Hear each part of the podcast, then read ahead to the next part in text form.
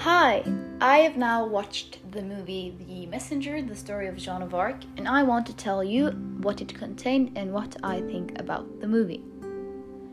The Messenger, the story of Joan of Arc, was published as a historical drama film in 1999. It was directed by Luc Besson, who casted Milla Jovovich as Joan of Arc, together with John Malkovich as Charles VII of France, Faye Dunaway as Yolande of Aragon, and Dustin Hoffman as The Conscience. Andrew Birkin wrote the screenplay together with Besson, who has written, directed, and produced ever since he was a teenager. The original music score was composed by Eric Serra. He has scored all of Besson's directed films, and they have now worked together since 1983. I thought I'd give you a short summary of the movie just to give you a better understanding of what's going on. Jean was a violent and supernatural vision as a child, growing up in a peasant family in France during the 15th century. She was taken in by distant relatives after witnessing the murder and rape of her sister during one of the English attacks throughout the Hundred Years' War. The Dauphin of France received a letter from Jean several years later. She was 17 years old, asking him to provide an army to lead into battle against the occupying English. Jean claimed that she was sent by God and got to meet the soon to be King of France. She described her visions, and the Dauphin believed her. Jean led the French army into the city of Orleans in her silver armor. She got the same haircut as the other masculine soldiers due to them being judgmental against her being a female leader. The same day, she gave the English a chance to surrender, which they refused. The army's tough surrenders were still skeptical to Jean's leadership and initiated the next morning's battle without her. The rugged French soldiers were retreating by the time she arrived at the battlefield on her galloping horse. Jean ended the retreat and led another charge, successfully capturing the fort. She gave the English another chance to surrender, which they refused once again. Due to the tough English defenders, she got severely wounded after leading the French soldiers to attack the English.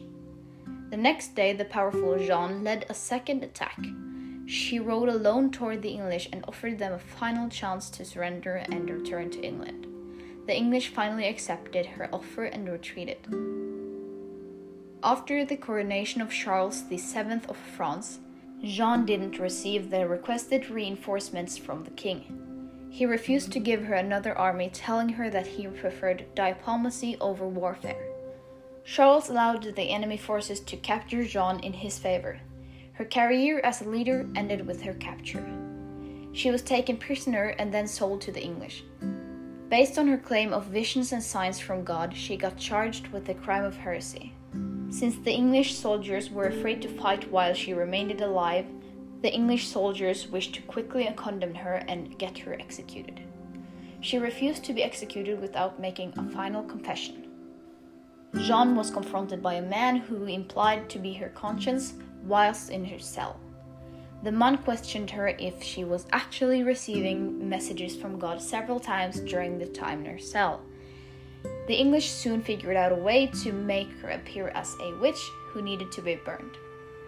She was burned alive on May 30th, 1431, at 19 years old, according to the movie. As a conclusion, Luc Besson stated that he wanted to pull a message out of history that is relevant for today in his movie. He tried to show both the emotional effects and affects of Jean. Besson did that by revealing Jean's doubts and demonstrate that it's impossible not to get influenced by the experiences of war.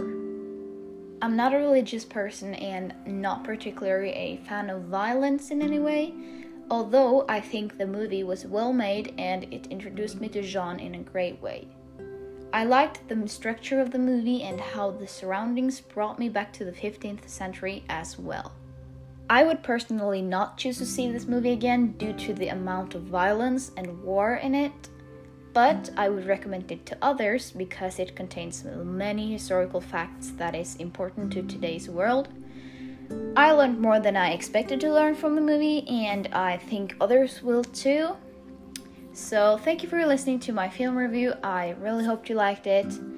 Bye!